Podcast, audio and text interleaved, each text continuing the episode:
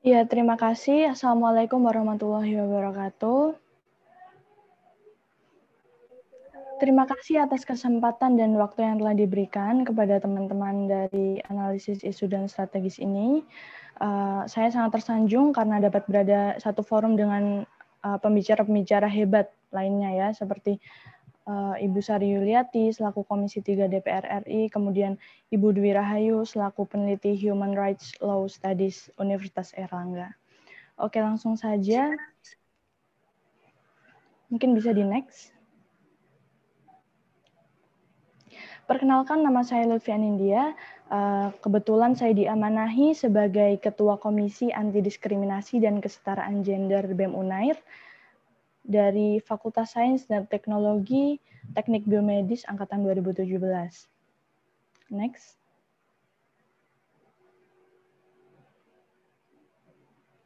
Oke, sejatinya sebagai laki-laki atau perempuan, eh, kita telah ditakdirkan untuk menerima jenis kelamin yang berkaitan dengan uh, sifat biologis kita ketika dilahirkan. Kemudian, yang selanjutnya hal ini dilabeli oleh masyarakat atau komunitas budaya tertentu dengan sejumlah peran atau aturan-aturan tertentu yang berbeda.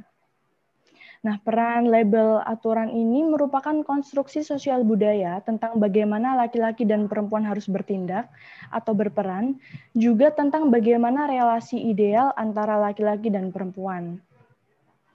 Nah, hal tersebut adalah yang selanjutnya disebut dengan gender. Next.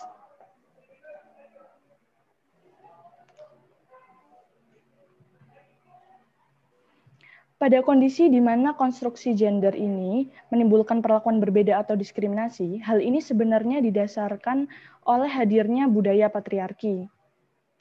Adapun budaya patriarki sendiri ini dapat ditemukan pada masyarakat yang memiliki tradisi untuk meletakkan laki-laki dalam posisi dan relasi kuasa yang lebih tinggi dibandingkan perempuan. Terjadinya relasi kuasa yang tidak setara antara laki-laki dan perempuan ini selanjutnya dapat menimbulkan adanya diskriminasi, kemudian subordinasi, serta opresi, di mana diskriminasi ini merupakan sikap membedakan secara sengaja terhadap golongan tertentu. Kemudian adanya subordinasi yaitu anggapan bahwa suatu peran yang dilakukan oleh suatu jenis kelamin ini lebih rendah dibandingkan yang lainnya, serta bahkan dapat terjadi opresi, yaitu tindakan memaksakan atau merampas kehendak seseorang untuk melakukan sesuatu karena relasi kuasa yang dimilikinya. Hal ini bisa berupa kekerasan seksual, eh, penindasan, dan lain sebagainya. Next. Seperti yang kita ketahui, karena gender ini merupakan konstruksi sosial budaya yang dibuat oleh suatu masyarakat, sehingga konstruksi gender ini bersifat berubah-ubah menurut waktu, tempat, dan status sosial dan budaya. Yang mana konstruksi gender ini karena dibangun oleh masyarakat sesuai anggapan-anggapan yang berlaku di dalam sistem masyarakat tersebut akan bersifat common sense. Next. Sehingga kesimpulannya konstruksi gender ini dapat diubah melalui pendidikan dan produk hukum.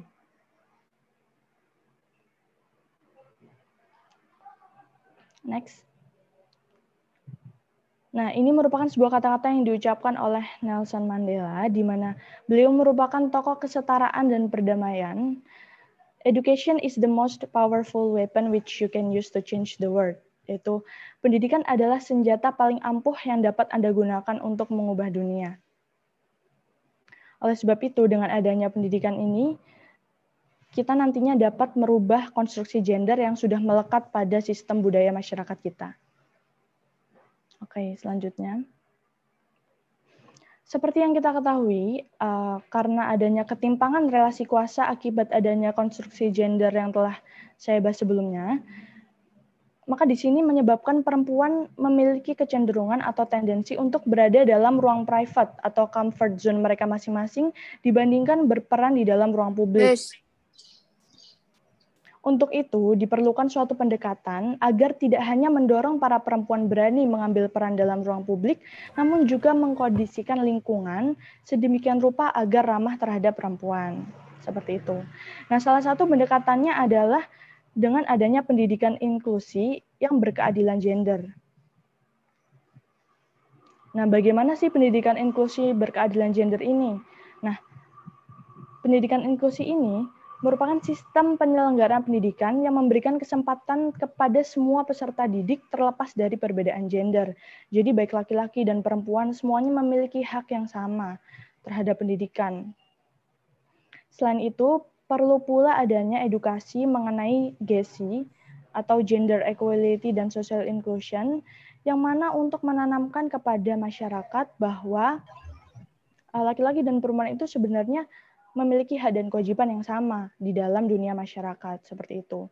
Sehingga nantinya ketika uh, masyarakat ini pikirannya sudah terbuka atau menjadi open minded, uh, ke depannya tidak akan menjadi judgmental terhadap perempuan, sehingga akan terciptanya suatu ruang publik yang kondusif bagi perempuan untuk dapat berperan di ruang publik. Selanjutnya adalah adanya payung hukum untuk melindungi perempuan. Nah, di sini Eh, merupakan poin yang cukup penting karena ketika adanya payung hukum ini sendiri, perempuan akan merasa lebih aman dan lebih terlindungi untuk dapat berperan dalam ruang publik. Uh, yang mana sependek pengetahuan saya sudah ada beberapa universitas yang memiliki peraturan rektor untuk menangani tentang kekerasan seksual pada perguruan tinggi. Uh, maaf, uh, bisa di sebelumnya PPT-nya. Ya, oke. Okay. Namun ada juga beberapa universitas yang belum memiliki peraturan rektor yang mengatur mengenai kekerasan seksual di perguruan tinggi. Seperti itu. Kebetulan, uh, ini mungkin uh, aku sharing-sharing sedikit ya. Jadi kebetulan aku kemarin alhamdulillah mendapatkan kesempatan untuk bisa menghadiri uji publik dari uh, Permendikbud mengenai kekerasan seksual di perguruan tinggi. Jadi sebelumnya uh, kekerasan seksual itu belum memiliki sebuah payung hukum. Kemudian uh, baru beberapa bulan yang lalu itu Kemendikbud uh, membuat sebuah rancangan yang mana rancangan peraturan tersebut uh, menurut saya sudah cukup bagus. Uh, di rancangan tersebut mengatur mengenai kekerasan seksual yang ada di perguruan tinggi.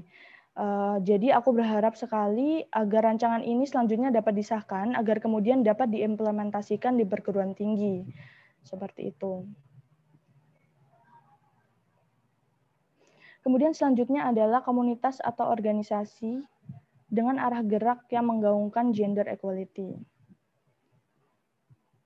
Oke, mungkin uh, untuk organisasi dan komunitas ini itu sudah banyak sekali bermunculan ya teman-teman. Karena mengingat ini merupakan isu yang sangat hangat dibicarakan akhir-akhir ini, banyak sekali bermunculan komunitas, organisasi yang memang arah geraknya adalah untuk menggaungkan gender equality. Seperti contohnya mungkin ada Girls Up UNER, kemudian ada LSGM, kemudian kebetulan ada uh, lembaga ad hoc di bawah naungan BEM UNER ini sendiri yang kebetulan saya tergabung di dalamnya, yaitu Komisi Anti Diskriminasi dan Kesetaraan Gender.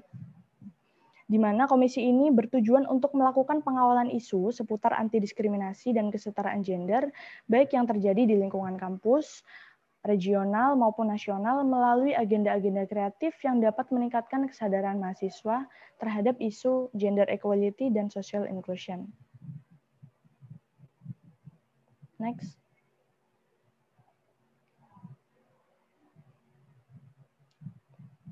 Oke, peran mahasiswa perempuan pada ruang publik di perguruan tinggi.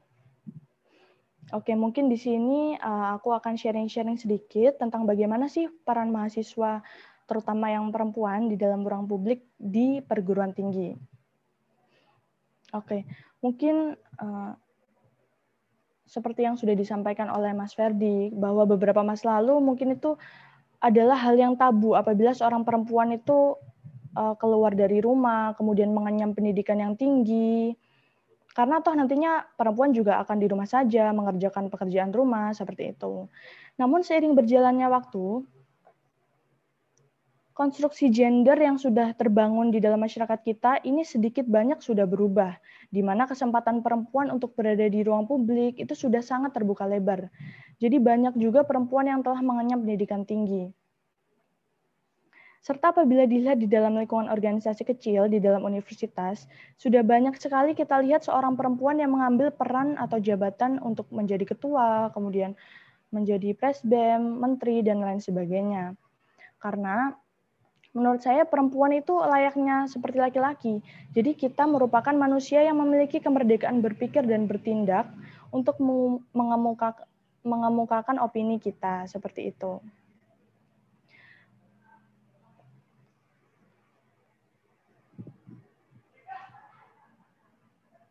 Oke, selanjutnya permasalahan yang dihadapi mahasiswa perempuan pada masa ini di perguruan tinggi. Nah, ini mungkin yang uh, menjadi cukup krusial ya yang dihadapi oleh mahasiswa perempuan. Yang pertama mungkin adanya labeling dan underestimating atau pelabelan dan orang-orang cenderung meremehkan mahasiswa perempuan seperti uh, apakah dia bisa melakukan hal ini dan hal itu padahal dia Padahal dia adalah perempuan seperti itu. Mungkin di sini masih banyak sekali orang-orang yang belum open minded terhadap hal ini. Oleh karena itu, di sini kita harus bersama-sama untuk mengedukasi mereka agar mereka lebih open minded terhadap isu gender equality ini sendiri. Selanjutnya masalah yang kedua, ini merupakan masalah yang juga cukup krusial, yaitu adalah ketakutan teman-teman perempuan akan adanya kasus kekerasan seksual. Nah, jadi seperti yang teman-teman tahu, ada banyak sekali kasus-kasus kekerasan seksual yang terjadi di lingkungan kampus. Namun banyak sekali eh, korban-korban yang belum berani untuk speak up. Kenapa? Karena hal ini masih dianggap sangat tabu dalam lingkungan eh, kampus. Selain itu, mahasiswa yang menjadi korban ini juga bingung untuk melapor ke mana, seperti itu. Jadi seperti belum ada alur atau birokrasi yang jelas yang harus dilalui oleh mahasiswa yang menjadi korban, seperti itu. Bahkan terkadang ada beberapa kampus yang tidak membuka ruang dialog, sehingga mahasiswa yang menjadi korban ini benar-benar tidak tahu atau clueless dan tidak mengerti harus melapor ke mana, seperti itu bahkan untuk di uh, universitas-universitas tertentu ada beberapa kasus yang kasus itu menunggu hingga viral, hingga tersebar di segala media sosial, hingga akhirnya kampus ini akan menangani kasus tersebut seperti itu. Oleh sebab itu, menurut saya sangat penting adanya payung hukum yang ada di di perguruan tinggi seperti itu.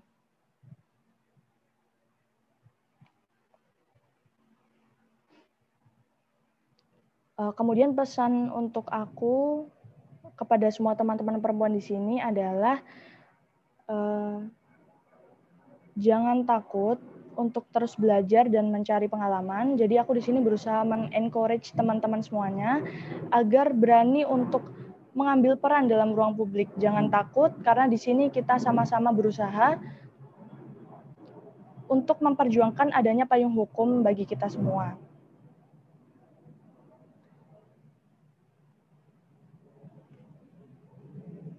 Kemudian di sini juga uh, saya beserta teman-teman dari Komisi Anti Diskriminasi dan Kesetaraan Gender membuka sebesar-sebesarnya layanan pengaduan bagi teman-teman yang mungkin sekiranya ingin sharing-sharing atau ingin melakukan pergerakan, ingin melakukan perubahan, uh, kebermanfaatan untuk kita semua, kita membuka selebar-lebarnya kesempatan itu untuk teman-teman bisa sangat bisa untuk merich kita seperti itu.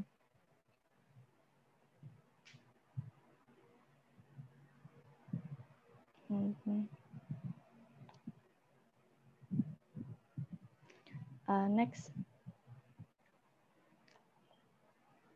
Uh, mungkin sekilas seperti itu ya uh, dari saya. Mungkin nanti bisa ada sesi diskusi dari teman-teman terkait sharing-sharing mungkin tentang permasalahan ataupun uh, butuh regulasi seperti apa yang ada di kampus dan lain sebagainya. Karena mungkin apabila saya ceritakan tentang regulasi dan draft-draft terkait dengan payung hukum yang dibutuhkan itu mungkin akan sangat panjang. Uh, jadi mungkin cukup seperti itu dari saya. Uh, saya mohon maaf apabila ada kekurangan dan lain sebagainya. Wassalamualaikum warahmatullahi wabarakatuh.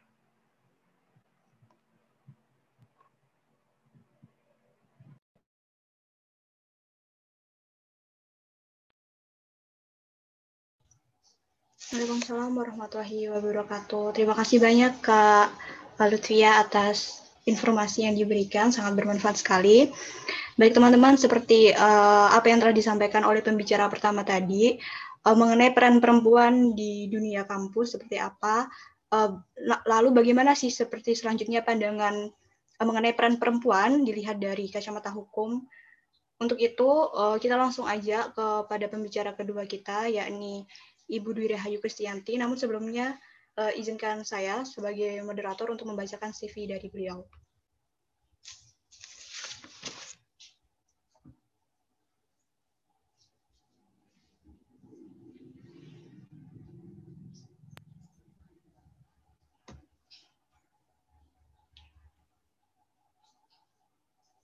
Berikut merupakan CV dari Ibu Dwi Rahayu Kristianti SHMA yang juga merupakan salah satu uh, Human Rights Law Studies Universitas Elangga. Ini kok, uh, mohon maaf panitia, apakah ini kepotong?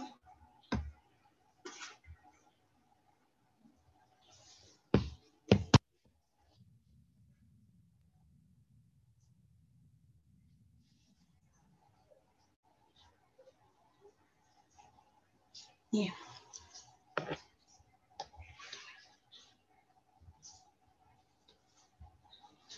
Baik, saya bacakan. Ibu Dwi Rahayu Kristianti merupakan adalah salah satu staf pengajar di Fakultas Hukum Universitas Erlangga Surabaya, Indonesia. Uh, beliau merupakan salah satu dosen mata kuliah Hukum Tata Negara, Hak Asasi Manusia, Kewarganegaraan, dan Perancangan Perundang-undangan. Uh, Beliau lulus dari Fakultas Hukum Universitas Erlangga tahun 1997 dan mendapatkan gelar Master of Art in Women's Study dari The Flinders University of South Australia tahun 2006. Dan pada Mei 2017, beliau mengikuti training di UN Human Rights Mekanisme di Jenewa yang didukung oleh NCHR, Norwich Center of Human Rights, dan Geneva Academy. Hal ini dilanjutkan dengan mengikuti Regional Research Initiative on Human Rights pada tahun 2018 di Bangkok dan Jakarta. Sebelumnya, selain se sebagai staf pengajar, beliau juga pernah menjabat sebagai ketua dari The Center of Human Rights Law Study HRLS tahun 2009 sampai 2015. Baik, langsung saja kepada Ibu Dwi Rahayu Kristianti SHMA selaku Human Rights Law Study Universitas Erlangga. Mungkin kepada Ibu Dwi Rahayu, waktu dan tempat kami persilahkan.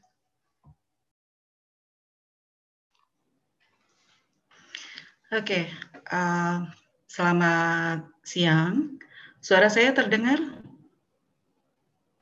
Terdengar, Bu. Oke, Uh, mohon nanti saya dikasih tahu kalau misalkan ternyata bentar ya. Kalau misalkan ternyata suara saya um, tiba-tiba hilang atau mungkin uh, saya terlempar dari Zoom, mohon saya segera dikasih tahu yang telah memberikan kesempatan kepada saya untuk uh, memberikan uh, sharing ya saya untuk sharing. Saya nggak bilang kalau misalkan saya lebih daripada mengucapkan uh, selamat International Women's Day. Karena uh, kita juga merayakan uh, itu kebetulan juga sekarang kita akan bicara tentang apa siang ini akan diminta untuk sharing tentang apa sih peran perempuan di ruang publik. Ketika suara saya masih nggak bagus. Suaranya putus-putus, Bu.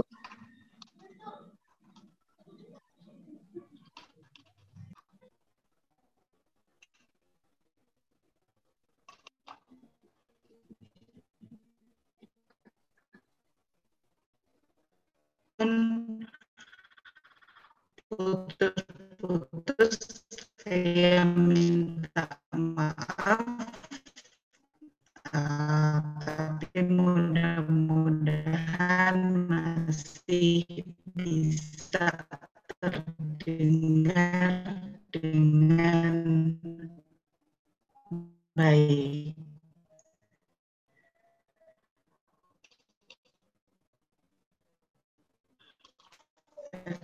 Kalau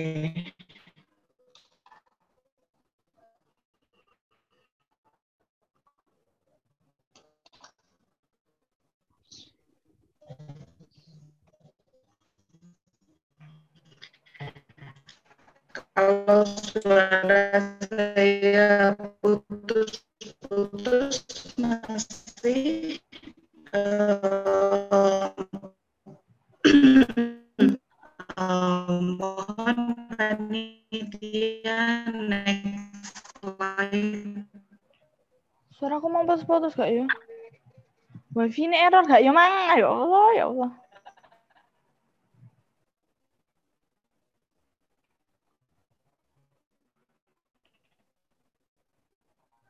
Suara aku mau putus-putus gak ya?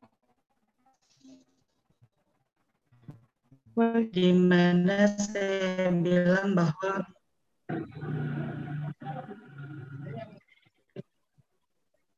you may not control all the events that happen to you, but you can decide not to be reduced by them. Ini maksud ketika pada saat itu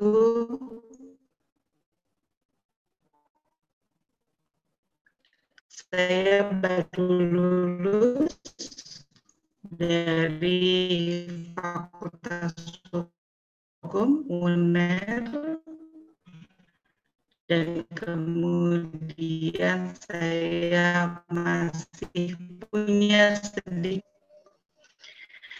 Tapi kemudian saya merasa kaget ketika saya melamar pekerjaan dan yang dikatakan oleh interviewer adalah bahwa nilai saya menerima saya karena mereka membutuhkan laki-laki bukan perempuan. Saya langsung kaget dalam pengumuman yang mereka sebarkan tidak tertulis di sisi not to be reduced by them. Jadi saya pikir, oke, saya tidak bisa mengkontrol apa pun yang terjadi di luar saya, tapi saya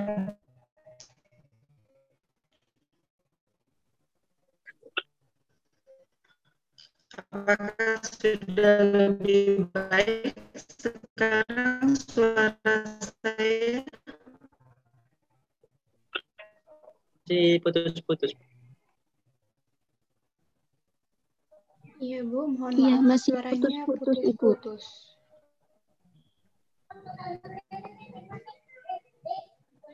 Itu saya mohon izin sebentar, saya akan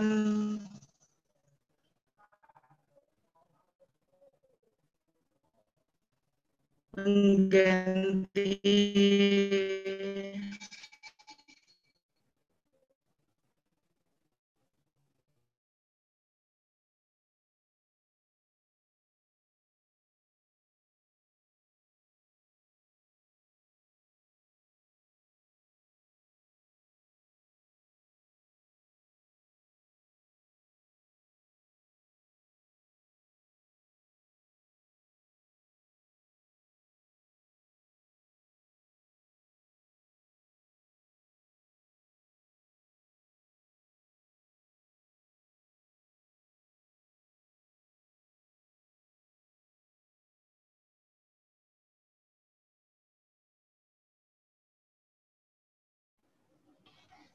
baik teman-teman, sambil menunggu ibunya, karena gangguan sinyal tadi, mungkin bagi teman-teman yang belum on cam, dimohon untuk on cam ya teman-teman, dan juga um, yang belum mengganti format namanya, mungkin bisa langsung ganti nama dengan nama dan asal instansi.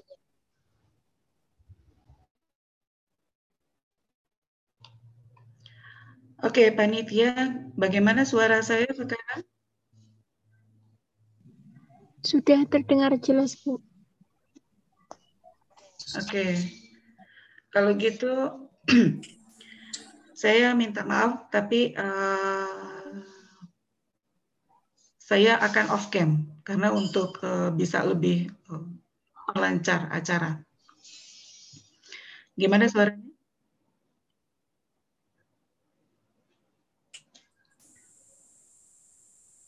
Ya,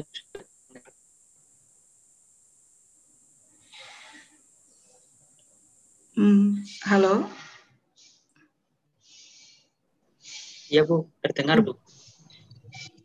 Oke, kalau gitu uh, saya lanjutkan ya. Yang tadi saya katakan bahwa saya tidak akan uh, lama dikarenakan memang saya minta maaf karena sinyal yang tidak terlalu bagus di sini. Uh, mohon panitia bisa ke slide saya yang setelah ini.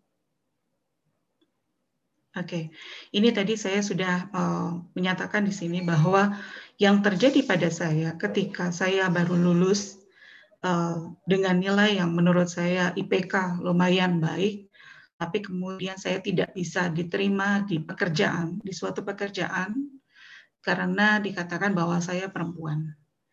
Saya kaget di situ dan itu terus sedikit membuat saya hilang uh, rasa percaya diri untuk bisa mendapatkan pekerjaan yang baik. Tapi quotation ini kemudian yang menguatkan saya bahwa memang kita tidak bisa mengkontrol apa pun yang terjadi kepada diri kita. Tapi kita dapat memutuskan bahwa kita tidak akan reduce by them, bahwa kita tidak akan mundur hanya karena hal tersebut. Oke, okay, next slide, panitia. Nah, uh, saya itu pengalaman sedikit dari saya mengenai perempuan di ruang publik. Selebihnya saya hanya akan bicara uh, mengenai uh, perempuan di ruang publik yang telah saya sedikit teliti dan kemudian terkait dengan bidang hukum. Pertama, kalau kita lihat bahwa satu dari sembilan hakim konstitusi itu adalah perempuan. Bagaimana di posisi hakim agung hanya empat dari 47. Sementara anggota DPR itu ada 117 dan ini adalah sebelum PAW yang kurang lebih 21 persen, di mana kita sebenarnya sudah pernah, uh, bukan sudah pernah, mungkin teman-teman semua di sini pasti sudah tahu bahwa ada kuota untuk anggota legislatif perempuan sebesar 30 persen. Dan sayangnya menurut aturan hukum, kuota tersebut bukan untuk anggota parlemen yang jadi, tapi melainkan hanya untuk uh, calon legislatif, calon anggota legislatif. Dan kemudian dari anggota DPD ada 42 dari 136 yang uh, perempuan dan ini me, apa, berada di angka 31 persen. Dari hal ini sebenarnya dari tahun ke tahun saya melihat memang ada sedikit uh, perubahan, ada kenaikan, selalu dengan kenaikan. Ada kadang-kadang kalau kita melihat di DPR, jadi ada kenaikan dan ada penurunan dan sini sebenarnya uh, uh, kalau kita perhatikan bahwa peng, mengapa kok keterlibatan perempuan di ruang publik ini memang masih tidak ya. bisa mencapai ya. angka yang memuaskan. Ini akan kita lihat, akan kita bedah satu persatu.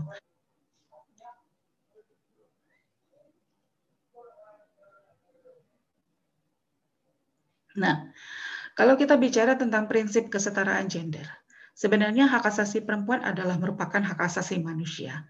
Di sini dikatakan dalam Vienna Declaration and Program of Action 1993 dinyatakan bahwa the human rights of women itu adalah merupakan bagian dari HAM.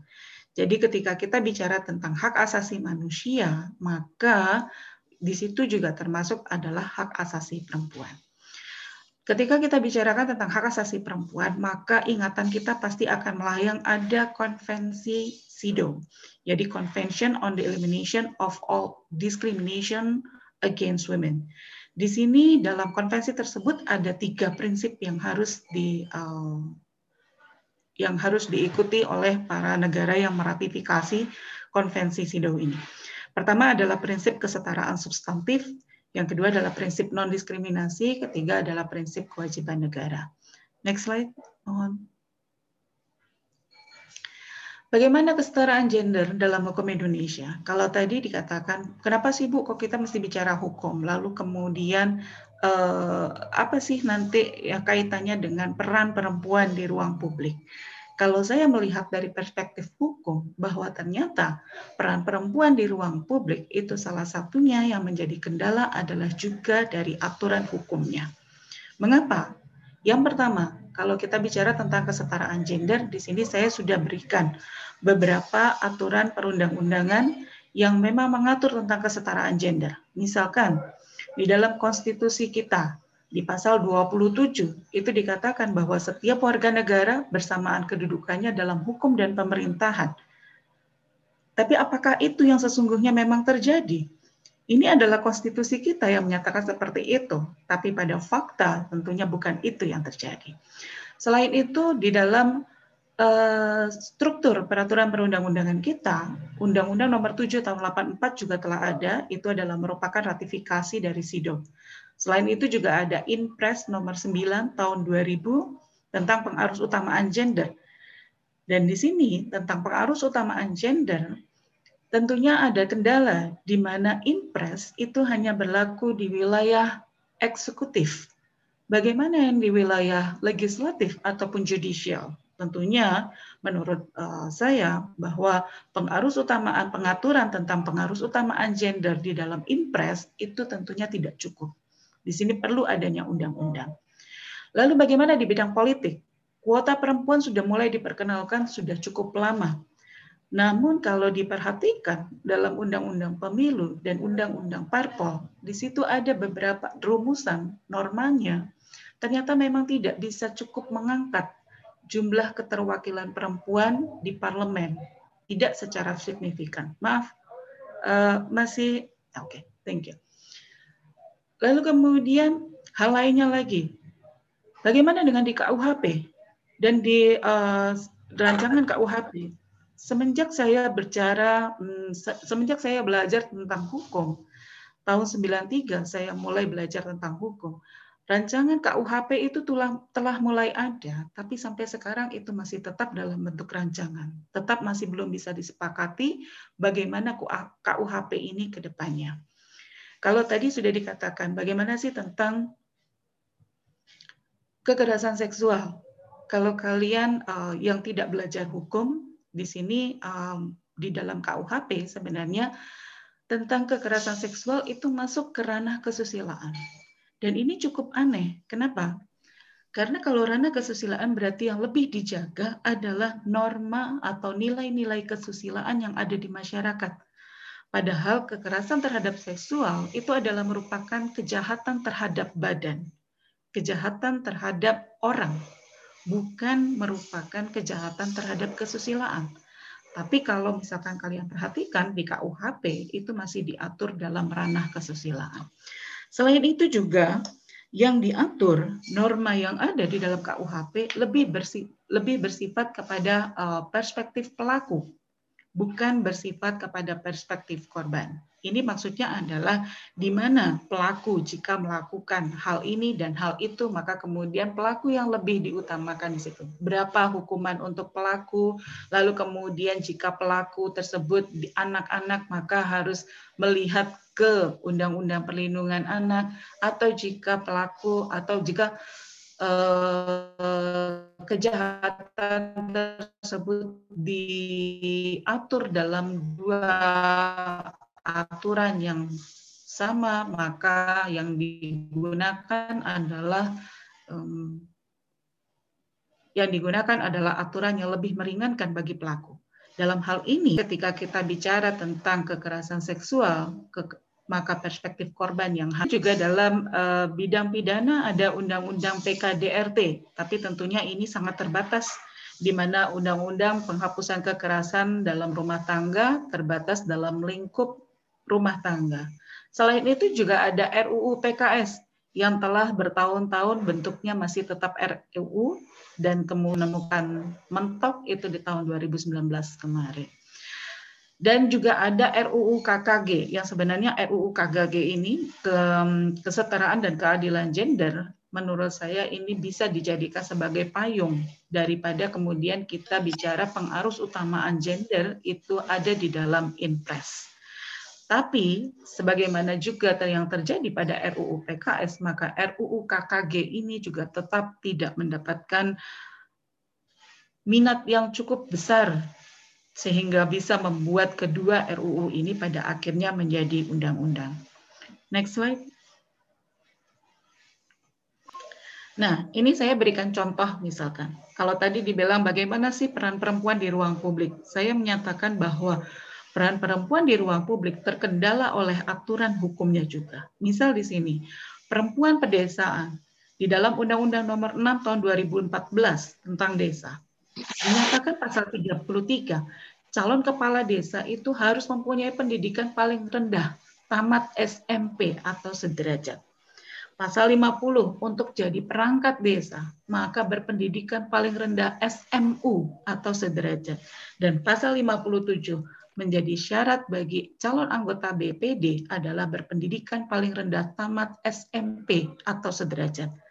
Bisa Anda bayangkan bagaimana perempuan di pedesaan apakah mampu untuk menjadi calon kepala desa, untuk menjadi perangkat desa, untuk menjadi anggota Badan Permusyawaratan Desa jika tingkat pendidikan yang paling rendah dipersyaratkan seperti ini bagaimana kita juga tahu bahwa perempuan pedesaan itu untuk pendidikan pun tidak bisa uh, mencapai yang seperti ini. Kadangkala dari culture Indonesia, dari budaya yang ada di masyarakat pedesaan, lebih menginginkan anak laki-laki yang mendapatkan pendidikan yang lebih tinggi. Sehingga anak laki-laki biasanya dikirim ke kota untuk belajar dan anak perempuan dikirim ke kota untuk bekerja, tidak untuk melanjutkan pendidikan mereka. Sehingga kalau misalkan kemudian dibilang bagaimana peran perempuan di publik bisa di mendapatkan perlindungan atau bisa mendapatkan dukungan dari hukum Indonesia, kita lihat di dalam undang-undang ini, Undang-Undang Nomor 6 Tahun 2014 tentang desa, ternyata peran perempuan di ruang publik itu juga dibatasi. Berikutnya, nah, kalau kemudian kita lihat eh, bagaimana tentang aturan-aturan hukum lainnya, di sini Komnas Perempuan telah mencatat misalkan aturan-aturan hukum yang sangat membatasi, utamanya bagi perempuan. Misalkan tentang aturan berbusana, lalu kebijakan daerah tentang prostitusi, dan juga konun yang mengatur tentang kalwat, juga eh, perlindungan tentang buruh migran.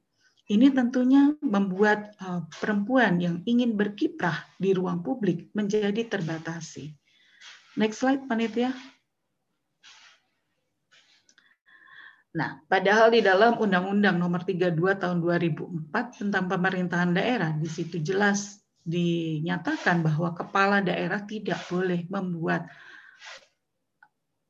peraturan daerah tidak boleh mengeluarkan kebijakan-kebijakan yang yang menguntungkan bagi diri, anggota keluarga, kroni, golongan tertentu dan lain-lainnya. Jadi tidak boleh ada diskriminasi bagi warga negara dan atau golongan masyarakat lainnya. Namun apakah ketentuan tentang ini disepakati atau ketentuan tentang ini di uh, mendapat implementasi yang baik? Kita lihat contohnya. Next slide. Misalkan kita lihat tentang aturan berbusana. Di sini berbasis agama tertentu. Dikatakan bahwa aturan berbusana dalam beberapa peraturan daerah memang berlaku bagi laki-laki dan perempuan. Namun, pada pelaksanaan, perhatian lebih tertuju kepada perempuan. Ketika busana dijadikan tolak ukur moralitas, maka perempuan yang dijadikan simbol moralitas komunitasnya. Itu yang akan dilihat terlebih dahulu dan yang di paksa terlebih dahulu untuk tunduk kepada aturan tersebut. Sehingga kemudian kalian mungkin tidak pernah melihat atau tidak pernah mendengar berita bahwa ada laki-laki yang ditangkap misalkan oleh Satpol PP dikarenakan melanggar aturan berbusana. Namun hal tersebut sering terjadi kepada perempuan-perempuan. Slide berikutnya.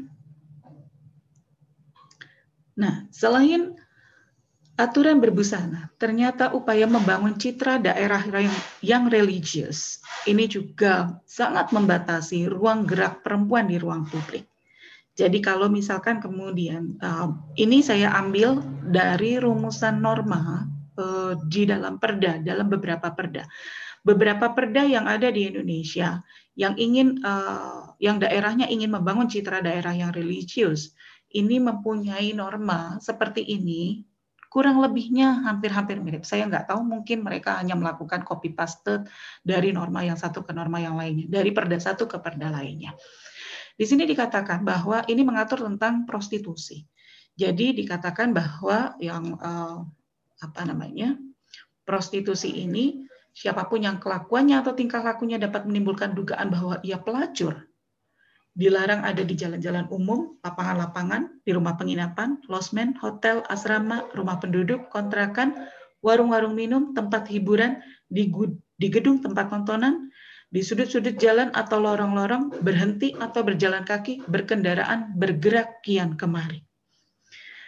Dari rumusan ini pun sebenarnya sudah cukup menggelikan bagi kami orang hukum yang membaca rumusan seperti ini bagaimana suatu norma bisa sangat abstrak. Berkendaraan, bergerak kian kemari. Apa yang dimaksud dengan bergerak kian kemari? Selain itu, bagi uh, feminis atau bagi aktivis uh, hak perempuan, di sini yang lebih menyakitkan lagi bahwa pelacuran dikatakan adalah suatu perbuatan di mana seorang perempuan menyerahkan dirinya untuk berhubungan kelamin dengan lawan jenisnya dan menerima pembayaran baik berupa uang maupun bentuk lain. Dapat disimpulkan bahwa jika pelacuran adalah suatu perbuatan di mana seorang perempuan sehingga yang dikatakan sebagai pelacur adalah perempuan. Oleh karena itu rumusan pasal di atasnya siapa pun atau kelakuannya, eh, siapa pun yang kelakuannya atau tingkah lakunya dapat menimbulkan dugaan bahwa ia pelacur, maka pelacur di sini yang dimaksud dengan pelacur adalah perempuan.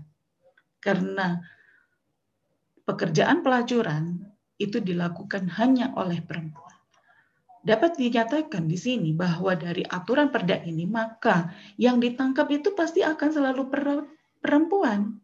Karena perempuanlah yang menjadi pelacur. Walaupun kita tahu yang namanya seorang pelacur tidak hanya perempuan. Yang lain jenis dari perempuan juga ada yang jadi pelacur. Tapi itu tidak termasuk dalam norma ini. Ini adalah merupakan stigma terhadap seorang perempuan yang terlihat di jalan-jalan umum, lapangan, rumah penginapan, losmen, hotel ini adalah merupakan stigma negatif. Padahal tidak melulu seperti itu. Dan tidak melulu yang namanya pelacur adalah perempuan. Jadi ini yang digunakan adalah metode penafsiran eh, di mana kita melihat dari apa yang dimaksud dengan pelacur, maka kemudian di pasal berikutnya dikatakan pelacuran adalah perbuatan di mana seorang perempuan. Berarti pelacur adalah seorang perempuan. Tentunya ini akan membatasi gerak perempuan juga di ruang publik. Padahal kalau misalkan kita lihat oh, beberapa hal yang seperti ini tidak melulu mereka adalah merupakan uh, seorang pelacur. Selain itu juga di beberapa daerah yang berusaha membangun citra sebagai daerah yang religius, misalkan ada uh, diterapkan jam malam di mana perempuan tidak boleh keluar malam uh, kecuali dengan muhrimnya. Padahal perempuan keluar malam belum tentu juga sebagai perempuan yang tidak baik. Karena ada kalanya pekerjaan-pekerjaan yang dilakukan oleh perempuan ataupun laki-laki tentunya juga sampai malam hari. Berikutnya. Nah, Hal lainnya lagi misalkan dalam konun di Aceh tentang kalwat, itu tidak ada rumusan yang jelas tentang kalwat. Apa yang dimaksud dengan kalwat? Kalwat itu dalam bahasa eh, apa dalam bahasa Arab yang kemudian ketika diinterpretasikan dalam bahasa Indonesia ini mulai agak jadi saya agak khawatir ketika semua orang kalwat itu dianggap berdua-duaan maka siapa pun yang sedang berduaan, bahkan pun kalau misalkan saya, bahkan ini ada kasusnya yang terjadi, seorang dosen di Aceh tidak berani menerima mahasiswi. Oh, jadi dia dosen laki-laki tidak berani menerima mahasiswinya di kantor kalau hanya mereka berdua, kalau hanya dosen tersebut dan mahasiswi itu saja. Karena menurut dia adalah kawan yang kemudian saya pikir saya beberapa kali kalau di kampus menerima mahasiswa saya di dalam ruangan dan kami memang sibuk membicarakan tentang skripsi. Jadi tentang bimbingan skripsi saja, tidak ada terbetik dalam pikiran saya untuk berkalwat, apalagi itu jam kantor. Nah, ini yang kemudian juga tapi juga kalau misalkan di sini dikatakan tidak ada definisi yang jelas tentang kalwat, lagi-lagi kebanyakannya menjadi korban ditangkap itu adalah perempuan. Lalu yang lainnya lagi adalah perlindungan buruh migran. Beberapa perda lebih mengatur tentang hal administrasi terkait penempatan buruh migran pada daripada perlindungannya. Padahal kita tahu buruh migran di Indonesia itu uh, besar sekali dari uh, perempuan sehingga jika hanya terkait penempatan buruh migran tanpa adanya perlindungan bagi buruh migran, maka bagi perempuan yang memutuskan untuk bekerja menjadi pekerja migran ini tentunya akan sulit karena tidak mendapat perlindungan hukum. Selanjutnya, nah di sini uh, sebenarnya ada dari Kementerian PPPA, jadi uh, Pemberdayaan Perempuan dan Perlindungan Anak di sini ada indikator kesetaraan gender dalam legislatif drafting. Jadi kalau misalkan kita membuat eh, kita men, melakukan drafting terhadap legislatif, jadi legislatif itu bisa uh, drafting terhadap perundang-undangan, maka di sini ada indikatornya, yaitu adanya akses, partisipasi, kontrol, dan manfaat. Dan tentunya keempatnya ini disesuaikan dengan uh, prinsip yang ada di dalam SIDO. Utamanya adalah tentang manfaat. Jadi manfaat itu dikatakan bahwa analisis apakah norma hukum yang dirumuskan dapat menjamin bahwa suatu kebijakan atau program akan menghasilkan manfaat yang setara bagi laki-laki dan perempuan di kemudian hari. Sehingga kemudian kalau kita menyatakan bahwa law in the book Jadi bagaimana hukum dalam bentuk peraturan perundang-undangan itu senyatanya atau dalam faktanya maka harus bisa dirasakan harus bisa dirasakan manfaatnya yang sama bagi laki-laki dan perempuan. Jadi law in the book itu harus sesuai dengan law in actionnya. Selanjutnya, panitia. Nah, Bagaimana sekarang kalau kita bicara tentang peran perempuan di ruang publik? Kalau tadi saya sudah katakan peran perempuan di ruang publik itu terbatasi karena memang kita dalam aturan hukum tidak ada tidak ada uh, perlindungan yang layak bagi uh, perempuan. Sehingga kemudian uh, bagaimana kita harus bisa meminta adanya perlindungan yang layak tentunya membuat uh, peraturan perundang-undangan yang memenuhi indikator APKM itu tadi. Tapi tentunya ada tantangan Tantangan yang pertama adalah fundamentalisme radikalisme. Seperti yang saya pernah tahu beberapa saat kemarin, bahkan pun juga gencar ada gerakan uh, Indonesia tanpa feminis misalkan, tanpa kemudian uh, mengkonfirmasi apa yang dimaksud dengan feminis di sini. Gitu. Apa iya perempuan itu tidak perlu untuk, padahal mereka yang bicara Indonesia tidak perlu feminis, itu mereka adalah mereka mereka yang bicara itu adalah mereka yang banyak bergerak di ruang publik. Yang itu juga cukup mengherankan bagi saya. Kalau misalkan tanpa feminis kalian semua itu tidak bisa loh bekerja di ruang publik. Kenapa kemudian sekarang setelah kalian merasakan nikmatnya untuk bisa bekerja di ruang publik, kemudian kalian meminta perempuan untuk kembali lagi ke rumah. Selain itu juga ada kapitalisme. Jadi dengan adanya kapitalisme ini tentunya perempuan yang sangat uh, kalau kita lihat 70% dari uh, poverty itu 70%-nya adalah perempuan. Sehingga kemudian dengan adanya kapitalisme tentu saja perempuan yang akan banyak menjadi korbannya. Selain itu juga ada militarisme oligarki yang juga sudah banyak sekali kita uh, bicarakan belakangan ini, di mana dengan oligarki kita lihat perempuan-perempuan juga menjadi korban. Dan yang terakhir sebenarnya saya melihat adanya uh, dampak dari digitalisasi jadi ketika pada masa ini, seperti misalkan kalau saya katakan saya adalah uh, digital imigran, berbeda dengan uh, panitia ini kebanyakan adalah merupakan digital native. Jadi kalian yang begitu lahir sudah sudah merasakan internet dan lain-lain, sementara saya saya adalah seorang digital imigran. Tentunya ini ada tantangan juga bagaimana kemudian antara um, mereka yang digital imigran ini bisa bersinergi dengan para digital native yang kemudian bisa bekerja bersama-sama untuk kemudian kita menggaungkan kampanye untuk uh, perempuan di ruang publik ini. Saya rasa itu saja. Terima kasih. Uh,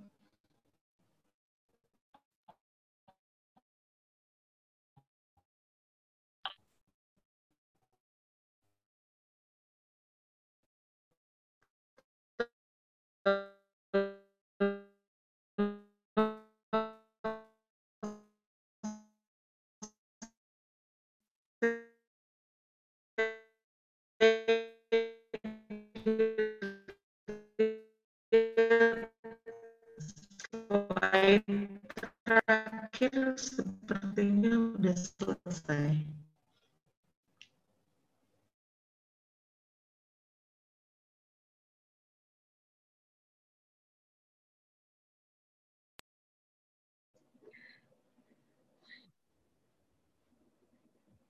Oke teman-teman, uh, terima kasih ya uh, kepada Ibu Dwi Rahayu atas pemaparan materinya mengenai um, peran perempuan di ruang publik itu ditinjau dari dari kacamata hukum lalu dengan apa tadi dengan sebentar dengan sudut pandang yang yang lainnya seperti itu. Nah, nah untuk setelah ini tadi kan kalian sudah mendengar gitu kan pemaparan materi dari Ibu Dwi dan juga dari Mbak Lutfia Anindya. Nah, sekarang kami dari panitia akan membuka sesi diskusi kepada teman-teman mungkin bagi yang ingin uh, bertanya atau ya itu bagi yang ingin bertanya bisa bisa melakukan raise hand atau mengetik pertanyaannya di kolom chat. Jadi ada dua option ya buat teman-teman kalau ingin bertanya gitu bisa raise hand ataupun mau ditulis di kolom chat juga tidak masalah. Oke, teman-teman. Silakan mungkin ada yang mau bertanya.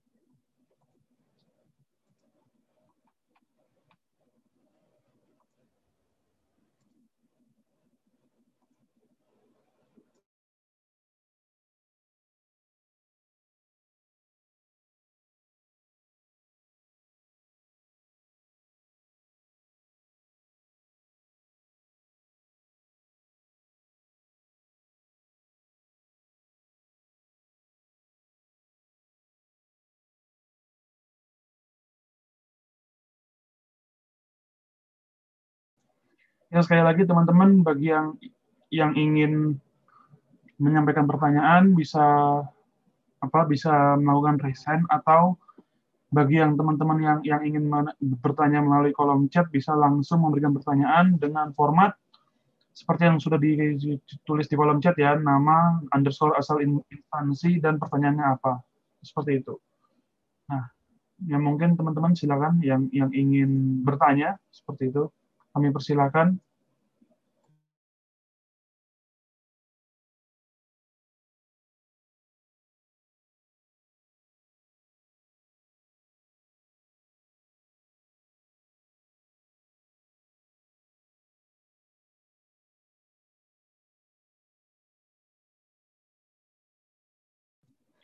Ya ini ya ini saya melihat ada satu ini yang yang raise hand ini ini dari dari panitia ini dari Mbak Laras mungkin bisa bisa dipersilakan Mbak Laras untuk bertanya mungkin silakan.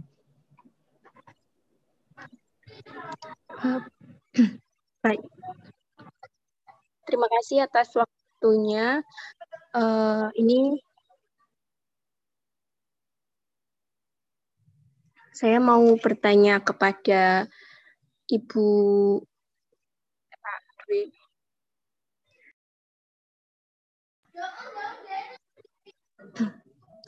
kepada Ibu Dwi Rahayu, mungkin pertanyaannya terkait dengan uh, regulasi yang mengatur tentang hak-hak perempuan, di mana sekarang ini kan terbagi ke dalam beberapa peraturan perundang-undangan ya Bu, dalam uh, undang-undang penghapusan kekerasan dalam rumah tangga, kemudian ada juga undang-undang uh, perlindungan saksi dan korban seperti itu. Nah, apa uh, se sepenting apakah maksudnya apa urgensitas di uh,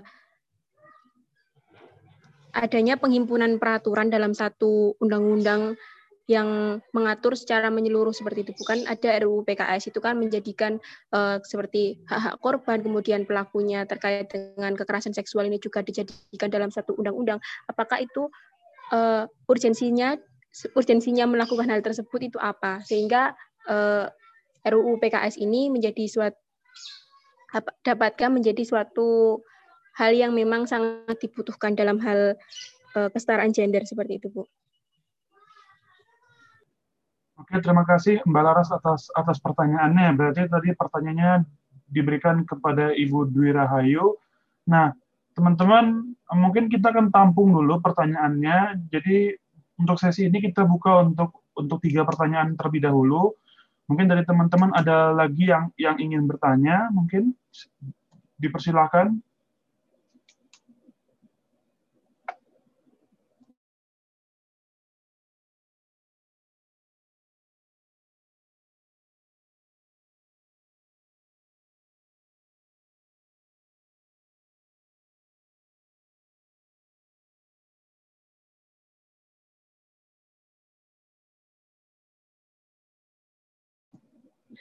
Ya teman-teman, jadi ini ada ada pertanyaan dari Sekar Anissa Adin dari instansinya adalah Universitas Erlangga.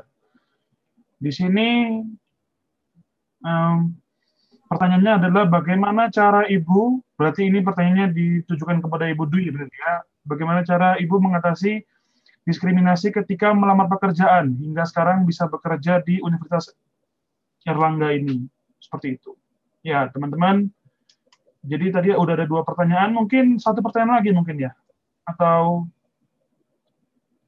ada teman-teman yang, yang yang yang ingin bertanya? Ah ini, silakan. Ini dari Putri Purnamasari dari Universitas Gajah Mada. Mungkin bisa langsung on mic dan menyalakan kameranya kalau bisa ya. Ya, Halo. dipersilakan kepada Putri untuk bertanya. Ya, sering banget itu kita menghadapi situasi di mana ketika kita uh, menyuarakan kesetaraan gender gitu di media sosial. Tapi dijawab dengan uh, apa ya? Maksudnya dengan fisik gitu, secara physically. Kalau misalnya kita setara nih, berarti aku boleh dong mukul kamu yang cewek gitu dong. Kayak aku cowok boleh mukul kamu yang cewek gitu. Nah, pertanyaan saya, pertanyaan saya adalah ukuran apa sih yang tepat untuk kesetaraan gender itu sendiri? Soalnya kalau sering beradu argumen gitu malah jadinya mereka balik ke fisik lagi kayak berantem secara fisik itu kayak gitu. Terima kasih. Oke, terima kasih ya kepada kepada saudari Putri Purnamasari. Nah, tadi sudah tiga pertanyaan dan sekarang saatnya kita um, memberikan waktunya kepada Ibu Dwi Rahayu untuk untuk menjawab dari tiga pertanyaan tadi. Ya, kepada Bu Dwi saya persilahkan. Ya, oke. Okay. Uh, eh, suara saya kedengeran ya. Saya jadi deg-degan suaranya putus-putus. Saya coba pelan-pelan. Padahal biasanya saya kalau ngomong pasti cepat-cepat. Tapi uh, supaya untuk mengatasi ini. Yang mungkin pertama hmm, tadi dari sorry saya lupa mencatat namanya tentang apa sih urgensinya RUU penghapusan kekerasan seksual gitu ya. Uh, padahal kan kita sudah ada ada undang-undang penghapusan kekerasan dalam rumah tangga juga ada perlindungan saksi dan korban. Juga sebenarnya saya tambahin ya, ada juga uh, penghapusan tindak pidana perdagangan orang. Selain itu juga ada undang-undang perlindungan anak. Dan juga uh, kalau misalkan kita lihat di situ sebenarnya apa iya nggak cukup. Di KUHP juga sudah ada loh Bu. Ngapain kita bikin RUU PKS yang baru? Di mana sih urgensinya? Pertama saya katakan begini di dalam undang-undang yang tadi sudah saya sebutkan, misalkan PKDRT, lalu PSK Perlindungan Saksi dan Korban ya, lalu kemudian TPPO eh, di Undang-Undang Perlindungan Anak, itu semua mempunyai kekhususan. Misal untuk PKDRT, korban dan pelaku itu harus berada dalam satu uh, lingkungan rumah tangga, jadi masuk dalam uh, wilayah domestik. Lalu kemudian misalkan uh, PSK perlindungan saksi dan korban, juga TPPO itu ada kekhususan kekhususannya. Jadi TPPO itu untuk mereka yang korban trafficking. Lalu untuk perlindungan anak jika uh, korban adalah anak-anak. Lalu kemudian LPSK apa uh, PSK itu adalah untuk perlindungan uh, saksi dan korban yang tidak hanya tentang kekerasan seksual. Nah, oleh karena itu sebenarnya diperlukan nih yang khusus kekerasan seksual di mana sebenarnya Kenapa sih kok kekerasan seksual aja yang dibutuhkan? Sebenarnya tidak. Tidak hanya kekerasan seksual aja yang dibutuhkan. Tadi saya sudah menyebut juga ada RUU KKG. Jadi RUU uh, kesetaraan dan keadilan gender yang juga butuh untuk segera menjadi undang-undang. Sayangnya itu juga belum jadi undang-undang, masih RUU. Nah, mengenai kekerasan seksual karena ini situasinya di Indonesia tentang kekerasan seksual ini sudah menjadi emergensi.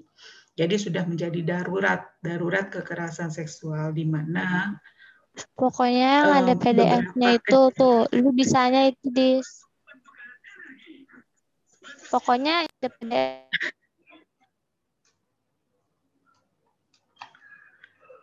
Uh, halo, suara saya masih kedengaran? Ya Bu, mungkin bisa dilanjutkan kembali Bu soalnya tadi kayaknya ada yang ada yang lupa di unmute kayaknya tadi itu dari dari peserta Ya, Bu. Oke, saya lanjutkan lagi ya. Soalnya saya agak bingung tadi maksudnya apa. Saya pikir dari panitia. Nah, eh, jadi eh, di situ saya bilang tadi urgensinya adalah tentang kekerasan seksual ini sebenarnya kita sudah masuk keadaan darurat. Banyak sekali uh, banyak sekali pihak yang merasa bahwa kekerasan seksual itu adalah merupakan suatu hal yang biasa. Apalagi kalau misalkan kalian perhatikan uh, beberapa yang ada di uh, rumusan, yang ada di norma yang ada di dalam RUU PKS. Jadi itu tentunya sangat terkaget-kaget jadi saya juga bisa memahami kenapa RUU PKS sampai sekarang itu masih belum menjadi undang-undang.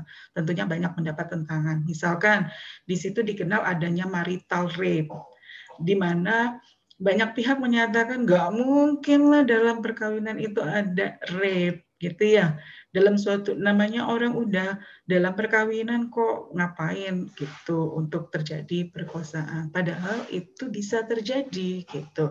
Jadi adanya hubungan seksual yang dipaksakan. Walaupun itu terhadap istri sendiri.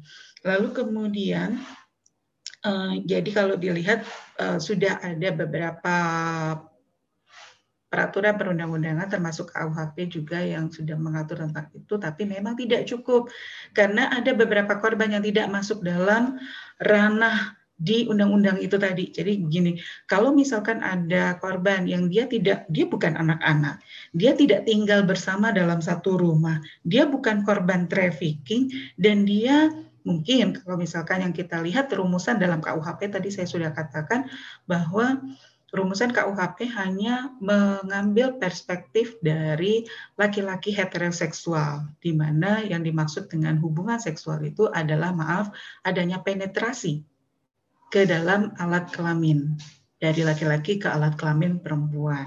Nah, padahal kalau kita lihat sekarang jenis-jenis kekerasan seksual tentunya bukan hanya penetrasi saja, tidak seperti itu. Bagaimana sekarang saya mungkin kita harus bertanya lagi kepada diri masing-masing. Jika misal Anda ini digrepek-grepek, maaf ya istilah saya itu digrepek-grepek pasti kalau bahasa Indonesia-nya. Jadi misalkan di jamah gitu ya, ada di jamah-jamah seperti itu. Itu tidak masuk dalam kategori di KUHP enggak, tapi kalian sudah merasa terhina. Bagaimana kemudian kita bisa mendapatkan uh, keadilan dari kejadian dari tindakan yang sudah dilakukan tersebut. Itu.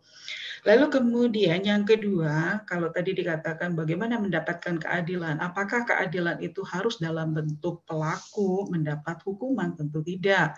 Karena pelaku dapat hukuman saja itu tentunya tidak bisa begitu saja akan memberikan keadilan bagi korban. Oleh karena itu, RUU PKS lebih kepada perspektif korban. Jadi, bagaimana korban yang telah menjadi korban ini bisa diterapi dan itu menjadi tanggung jawab dari negara bisa diterapi bisa mendapatkan pemulihan lagi sehingga dia bisa berfungsi normal kembali walaupun normal mungkin agak susah saya bukan orang psikologi ya tapi e, bicara dengan beberapa orang psikologi mereka mengatakan untuk kembali normal sepertinya memang tidak bisa karena ada suatu kejadian yang pernah terjadi. Bagaimana trauma healingnya? Nah ini juga yang kemudian diatur dalam RUU PKS. Jadi uh, selain karena memang ke, kejahatan atau uh, tindakan kriminal yang dilakukan khusus tentang kekerasan seksual yang tidak diatur dalam um, peraturan perundang-undangan yang tadi sudah disebutkan bahkan pun di dalam KUHP dan juga di dalam RUU KUHP. Lalu kemudian pertanyaan kedua tadi dari chat, gimana saya menghadapi diskriminasi di lapangan uh, apa ketika menjadi pekerja memang uh, ketika saya melamar pekerjaan di perusahaan kemudian dikatakan bahwa nilai saya sebenarnya bagus tapi karena sekian yang saya pikir hal yang memang agak tipis antara ingin melindungi perempuan atau ingin membatasi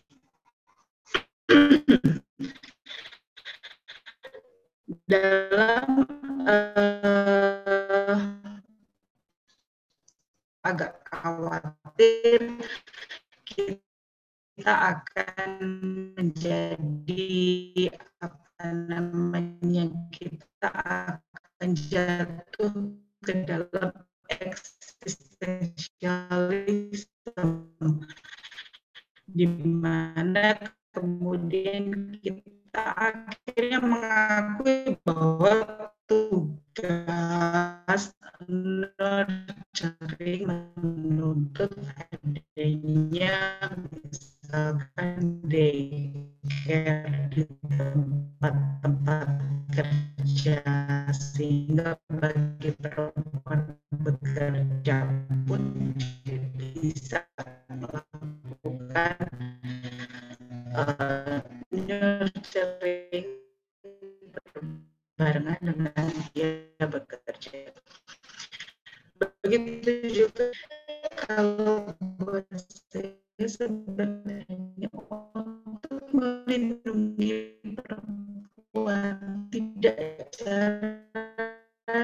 tidak dengan cara membatasi Permisi, Bu. Tapi kalau misalkan di situ akar permasalahan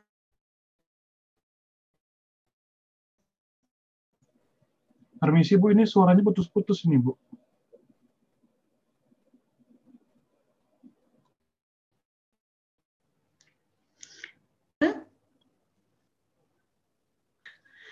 Padahal ini saya sudah coba. Saya pelan-pelan aja kalau gitu. Saya minta maaf karena memang sinyalnya yang agak gender ketika kemudian diganti sebagai fisik gitu ya. Jawabannya fisik. Jadi kalau misalkan kesetaraan gender laki-laki bolehlah mukul perempuan kan seperti itu. Saya rasa kalau misalkan seperti itu saya rasa laki-laki sendiri juga nggak boleh loh mukul laki-laki lainnya ya kan? Kekerasan itu tidak diizinkan. Kekerasan itu tidak dikedepankan ketika kita berbicara dengan pihak lain. Jadi kalau misalkan di kalau buat saya ketika kita bicara kesetaraan gender dan kemudian mendapatkan tantangan atau jawaban yang seperti itu buat saya nggak perlu terlalu diperhatikan tetaplah fokus kita untuk bisa mencapai kesetaraan gender itu. Kalau misalkan kemudian berarti laki-laki boleh mukul perempuan, ya tinggal dibilang aja laki-laki juga sebenarnya nggak boleh lo mukul laki-laki. Pukul-pukulan tuh sebenarnya nggak boleh, kecuali kalau misalkan memang itu pertandingan tinju lain lagi gitu ya.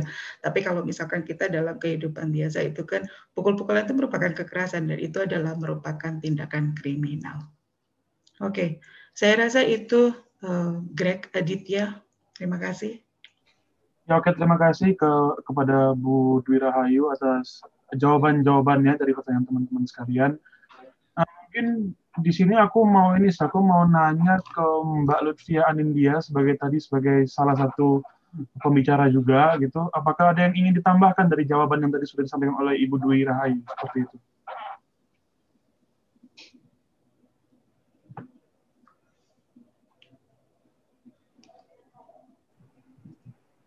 Iya, terima kasih. Halo, apakah suara terdengar?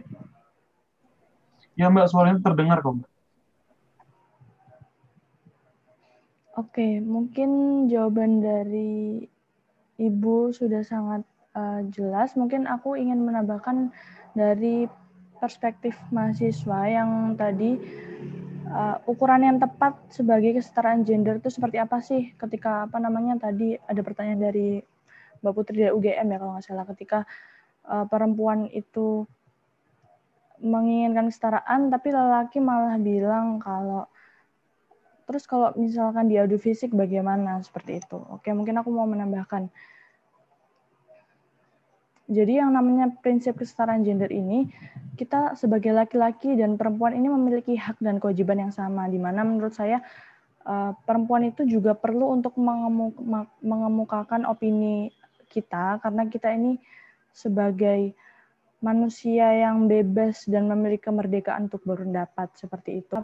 Uh, lelaki ingin bermain fisik uh, seperti yang sudah dijelaskan Ibu bahwa lelaki dengan lelaki saja itu tidak boleh bermain fisik seperti itu. Jadi mungkin uh, konteksnya di sini adalah lebih dari hak dan kewajiban dari perempuan dan laki-laki dalam berpendapat, dalam melakukan kegiatan atau peran-peran di ruang publik seperti itu.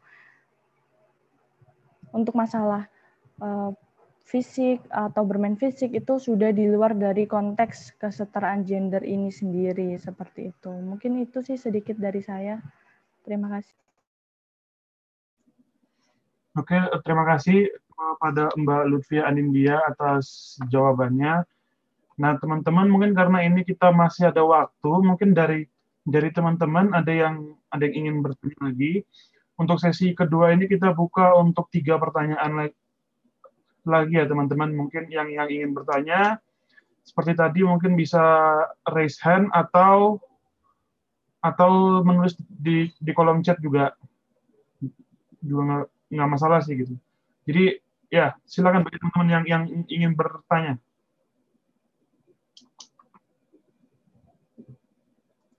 ya ini ada pertanyaan yang paling pertama ini dari M Hafid ini dari instansinya adalah Winma Nah, pertanyaannya adalah ketika perempuan sering kali menjadi korban kekerasan di masyarakat dan pemerintah sendiri kurang bisa diandalkan, lalu bagaimana melindungi diri sendiri?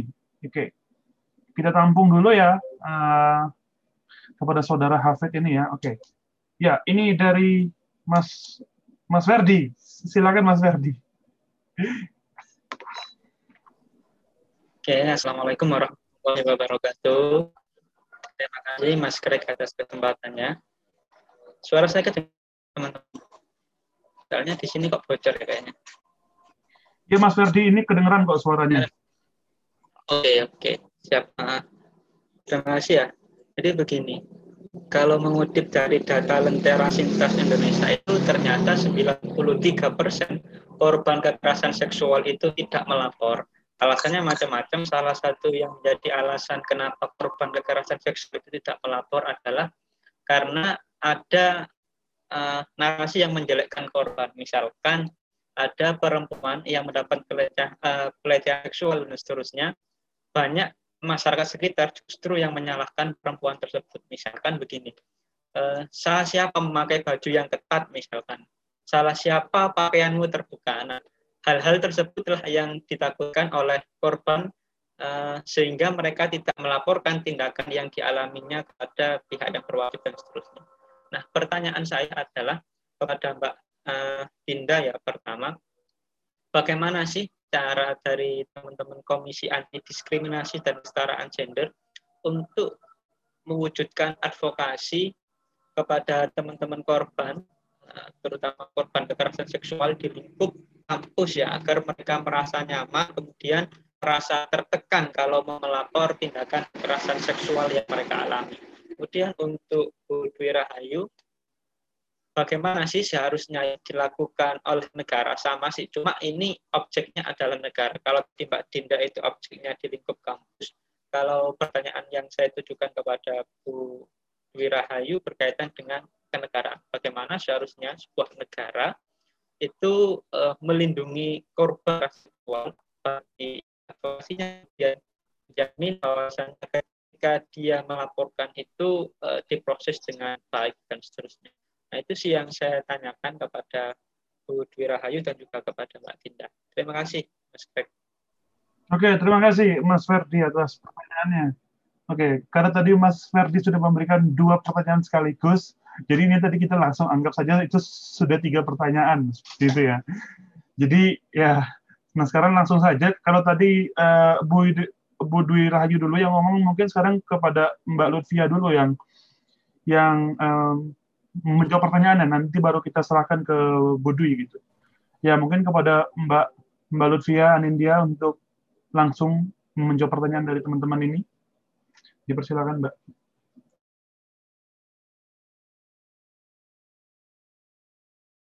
Ya, halo. Um, di sini sepertinya lagi azan asyar. Apakah suaranya terdengar jelas? Terdengar sih, Mbak. Oh ya dah.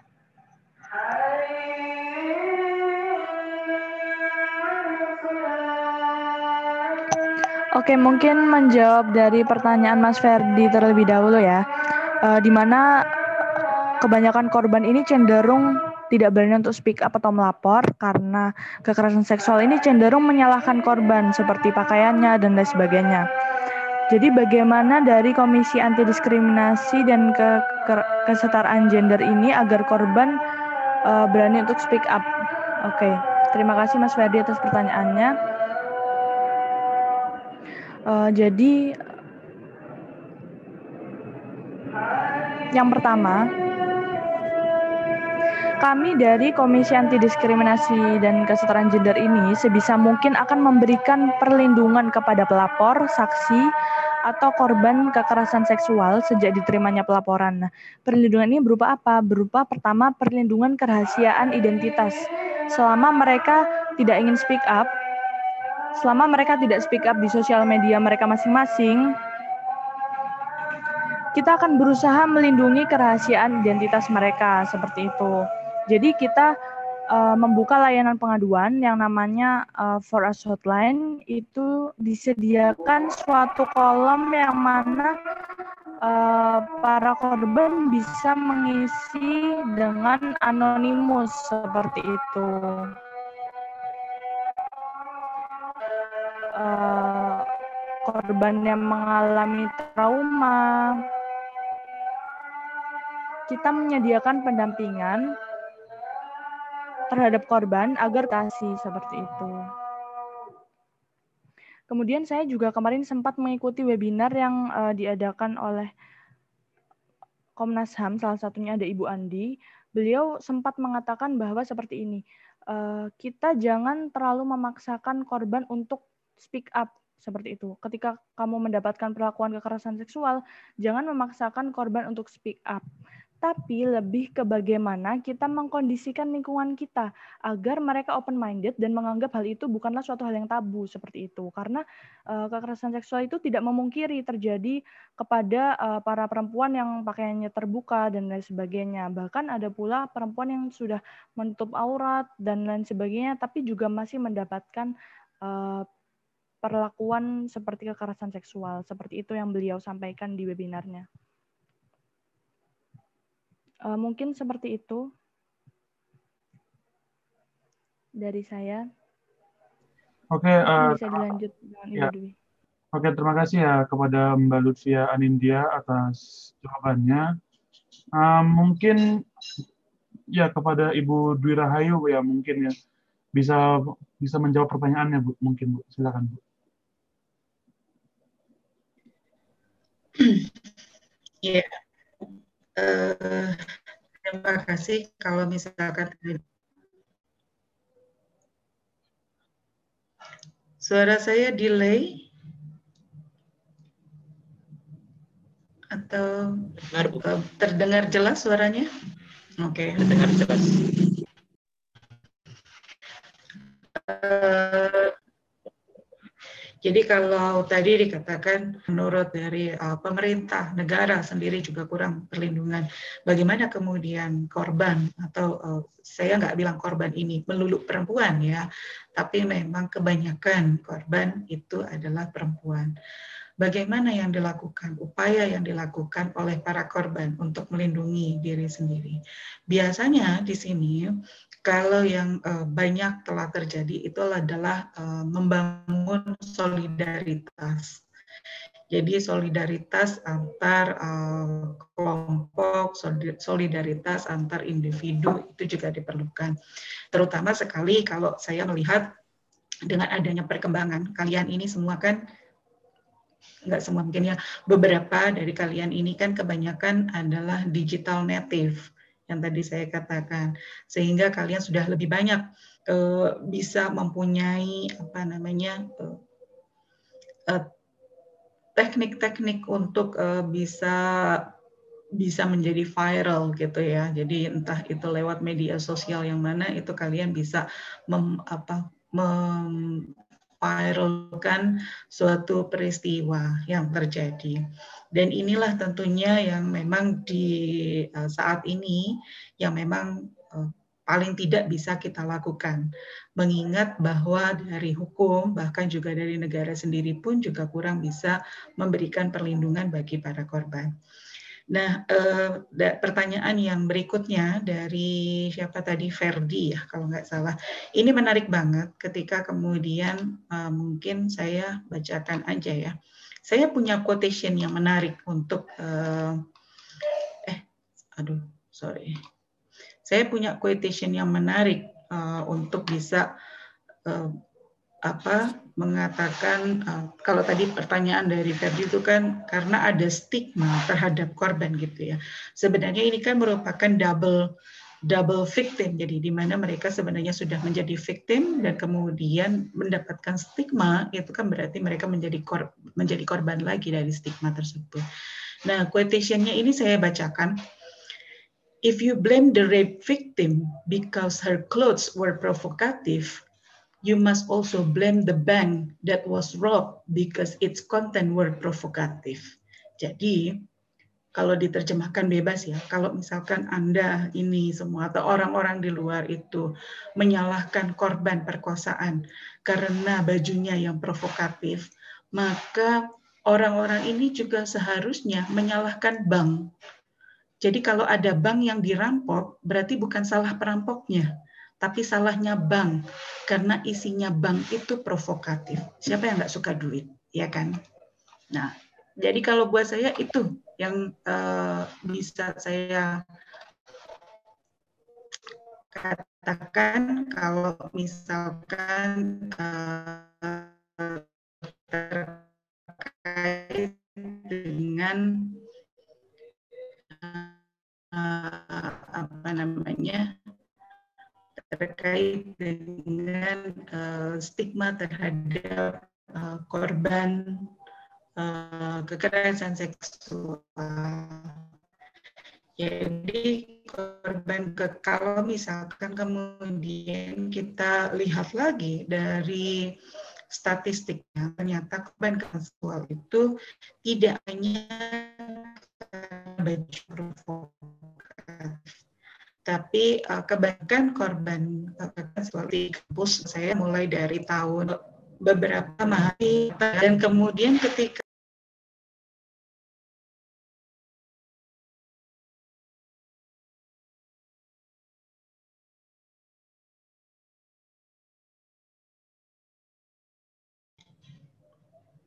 Halo.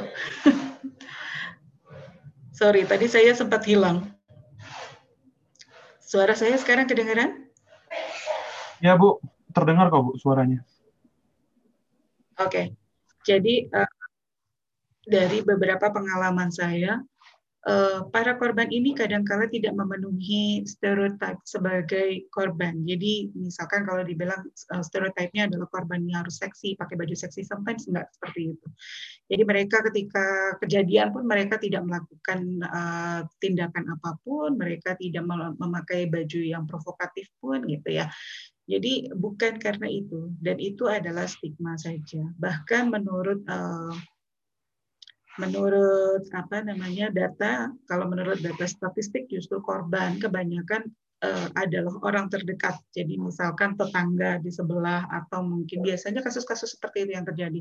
Misal nitipin anak ke tetangga sebelah ternyata sama tetangga sebelah itu malah dikerjain. Nah, hal-hal yang seperti itu yang banyak terjadi. Atau misalkan antara om dengan keponakan, kakek dengan cucunya atau bapak dengan uh, anaknya atau bapak tiri dengan anaknya, ya hal-hal yang seperti itu. Jadi sebenarnya kalau misalkan dibilang uh, hanya karena uh, provokatif itu um, pakai baju yang uh, yang sangat menantang sebenarnya bukan itu. Lalu kemudian Uh, saya rasa tadi kalau dari Dinda, Dinda itu kan um, untuk di kampus bagaimana? Sebenarnya saya suara saya uh, beberapa waktu uh, saya sudah um, apa bicara beberapa teman di fakultas sorry suara saya ya ber, jadi agak bingung karena ada suara echo gitu ya. Tapi di sana suara oke-oke aja? Ya Bu, di di sini terdengar kok Bu suaranya. Oke. Jadi sebenarnya di apa di fakultas saya pernah bicara bahwa apa yang harus kita lakukan. Jadi what's next?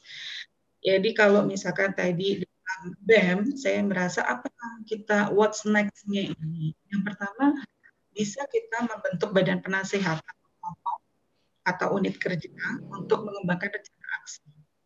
Lalu kemudian yang kedua, kita bisa melaksanakan pelatihan dan pendidikan untuk uh, mahasiswa terkait pelecehan seksual dan saling menghormati.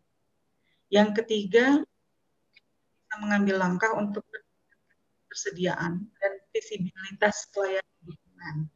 Jadi kalau tadi dikatakan ada hotline, hotline ini harus visible, harus kelihatan, harus di harus dikampanyekan terus menerus di, di medsos itu harus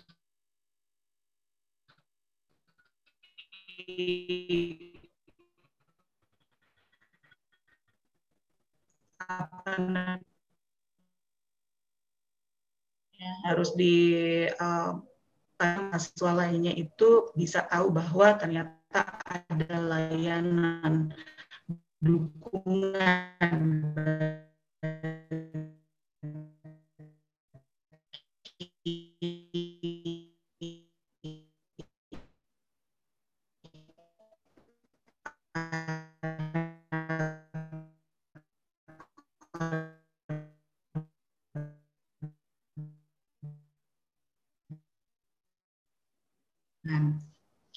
Selain itu, universitas ada sudah ada peraturan rektor dan review dan staf dan perwakilan mahasiswa yang bisa melihat dari eh, teman-teman uh, kalian sendiri kira-kira siapa sih yang paling uh, mahasiswa lain percaya untuk. Jadi kalau misalkan ada satu atau beberapa mahasiswa yang biasa biasanya ada ya. Aduh biasanya kan ada yang seperti itu. Ada mahasiswa yang kadang kala ah aku lebih suka curhat ke A, B, C. Nah, itu kalian bisa merekrut A, B, C. Kemudian uh, apa namanya? Jadi kalian bisa mengidentifikasi orang-orang ini dan kemudian bisa memberikan training bagaimana caranya me, apa, untuk uh, layanan dukungan. Selain itu juga tadi sudah dikatakan bahwa e, secara rahasia anonim. Jadi menerapkan praktik untuk memastikan informasi tentang pengungkapan dan laporan dikumpulkan dan disimpan secara rahasia. Itu harus karena memang beberapa korban itu tidak mau diekspos. Jadi ada rasa malu bagi mereka sebagai korban, terutama karena ada stigma itu tadi, sehingga kemudian memang harus disimpan secara rahasia. Dan selain itu, uh, kalian juga bisa menyatakan komitmen. Jadi membuat suatu pernyataan komitmen untuk melakukan survei. Jadi survei saya rasa beberapa kampus di ya ini sudah mulai ada uh, apa yang kalian sekarang sedang rintis, maka kalian bisa bekerja sama dengan kampus-kampus lainnya dan kemudian mengadakan survei nasional tentang kekerasan seksual dan pelecehan seksual. Dan surveinya ini secara reguler. Maksudnya itu apa? Kalau survei dilakukan secara reguler, maka kemudian bagi para pemangku kepentingan nanti dia bisa sadar bahwa ini sudah terjadi yang namanya emergency, terjadi yang namanya situasi darurat kekerasan seksual, terutama di lingkungan kampus. Kampus, saya tambahkan sedikit ya, saya mohon maaf. Uh, di lingkungan kampus, kenapa kok pelecehan seksual itu bisa terjadi? maksudnya kenapa kok bisa uh, apalagi kita lihat kayaknya kan orang baik-baik harusnya harusnya orang baik-baik. Tapi ternyata kalau misalkan kita lihat dari dasar teorinya pertama adanya moral licensing. Jadi moral licensing itu kurang karena saya telah melakukan hal-hal yang baik sama maka nggak masalah jika sekali dua kali saya melanggar pantangan. Jadi itu biasanya.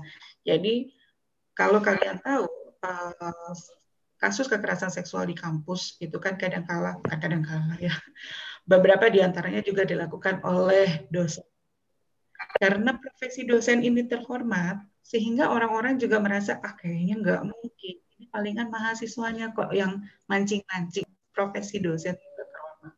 Lalu kemudian tadi moral licensing.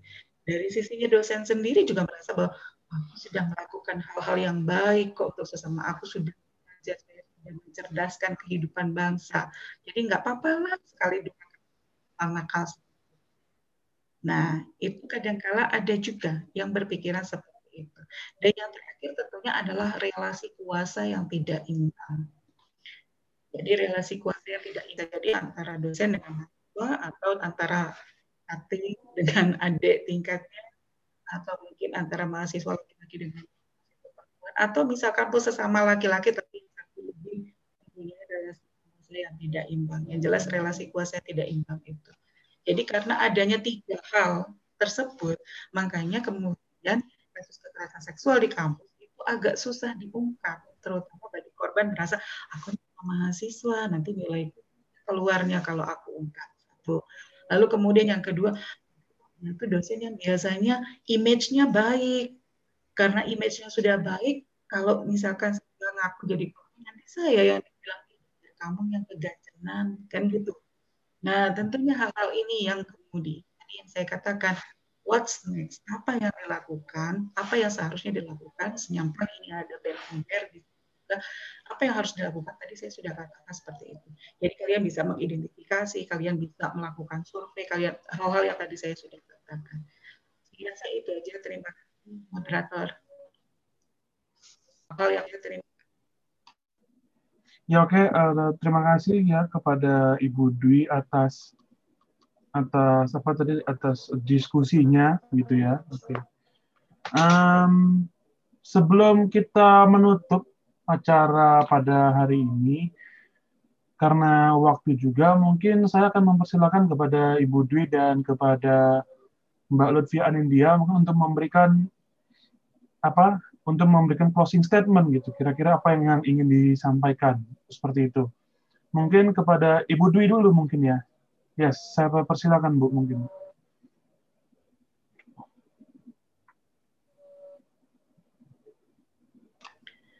Uh, ya, oke. Okay. Terima kasih, moderator.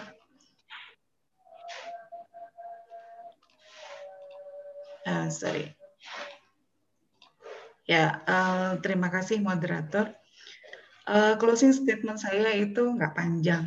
Saya hanya membuka kembali dari uh, slide pertama saya yang tadi dari presentasi saya bahwa kita tidak bisa mengkontrol apa pun yang terjadi terhadap diri kita, tapi kita bisa memutuskan bahwa kita tidak akan mundur hanya karena itu.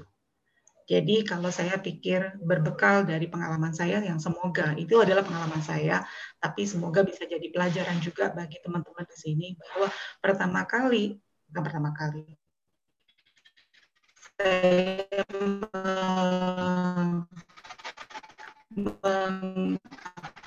saya mendaftar, saya melamar pekerjaan dan ditolak itu hanya untuk tetap berkiprah untuk desain dan kemudian justru saya bisa lebih memberikan ilmu saya untuk teman-teman lainnya. Saya rasa itu aja. Terima kasih, moderator. Oke, uh, terima kasih Bu Dwi atas closing statement-nya dan dan terima kasih juga atas